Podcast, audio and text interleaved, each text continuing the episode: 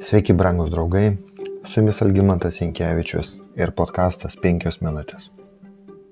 Ilgą laiką sandoros skrinė buvo Abinadabo namuose Kirijat Jerime. Ji buvo ten, nes bet šiame šio gyventojai buvo nubausti viešpatės, nes pažvelgė į Filistinų gražintų skrynę. 1 Samuelio 6 skyrius. Sauliaus valdymo metu buvo pamiršta Dievo skrinė.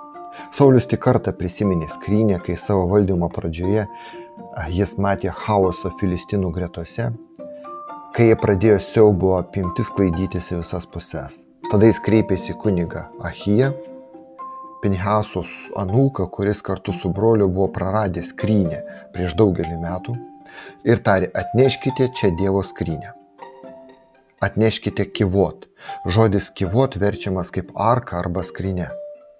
Bet Ahija to nepadarė, nes filistinai tuo metu jau visiškai buvo pasimetę ir Saulis atšaukė įsakymą. Taigi viešpatė sandoros skrinė dar dešimtmečius liko Kirijat Jerime. Kol Dovydas nusprendė jį perkelti į Jeruzalę, kurią jis padarė naująją Izraelio sostinę. Skrynios perkelimas į Jeruzalę turėjo būti džiugiai, didinga, nuostabi šventė. Dovydas vėl surinko visus rinktinius Izraelio vyrus 30 tūkstančių. Tada Dovydas ir visi su juo buvę žmonės leidosi kelionėn į Balę Jehudą, pargabenti iš ten Dievo skrynios, kuri vadinama galybių viešpatės sėdinčios sostė virš kerubų vardu. Jie užkėlė Dievo skrynę ant naujo vežimo ir vežė iš Abinadabo namų esančio ant kalvos. Abinadabo sūnus Uza ir Ehjojas varė naująjį vežimą su Dievo skryne.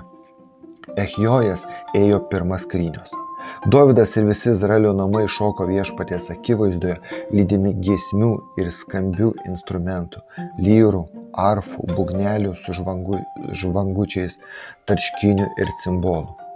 Atėjus prie Nahono klojimo, Uza ištiesi ranką į Dievo skrynę, norėdamas ją prilaikyti, nes jaučiai suklupo. Viešpat supyko ant Uzos. Dievas parbloškė jį ten dėl to, kad jis palėtė ranką skrynę ir jis numirė ten šalia skrynios. Antro Samuelio knyga, šeštas skyrius. Renginys, kuris buvo sumanytas kaip didžiulė nuostabi šventė, virto laidotuvių diena. Ši istorija galbūt mums priminė liūdną Nadabo ir Abihuvo istoriją, kurie ne, nevertai ėmėsi savo šventų pareigų ir buvo nubausti Dievo mirtimi. Kunigų dešimtas skyrius.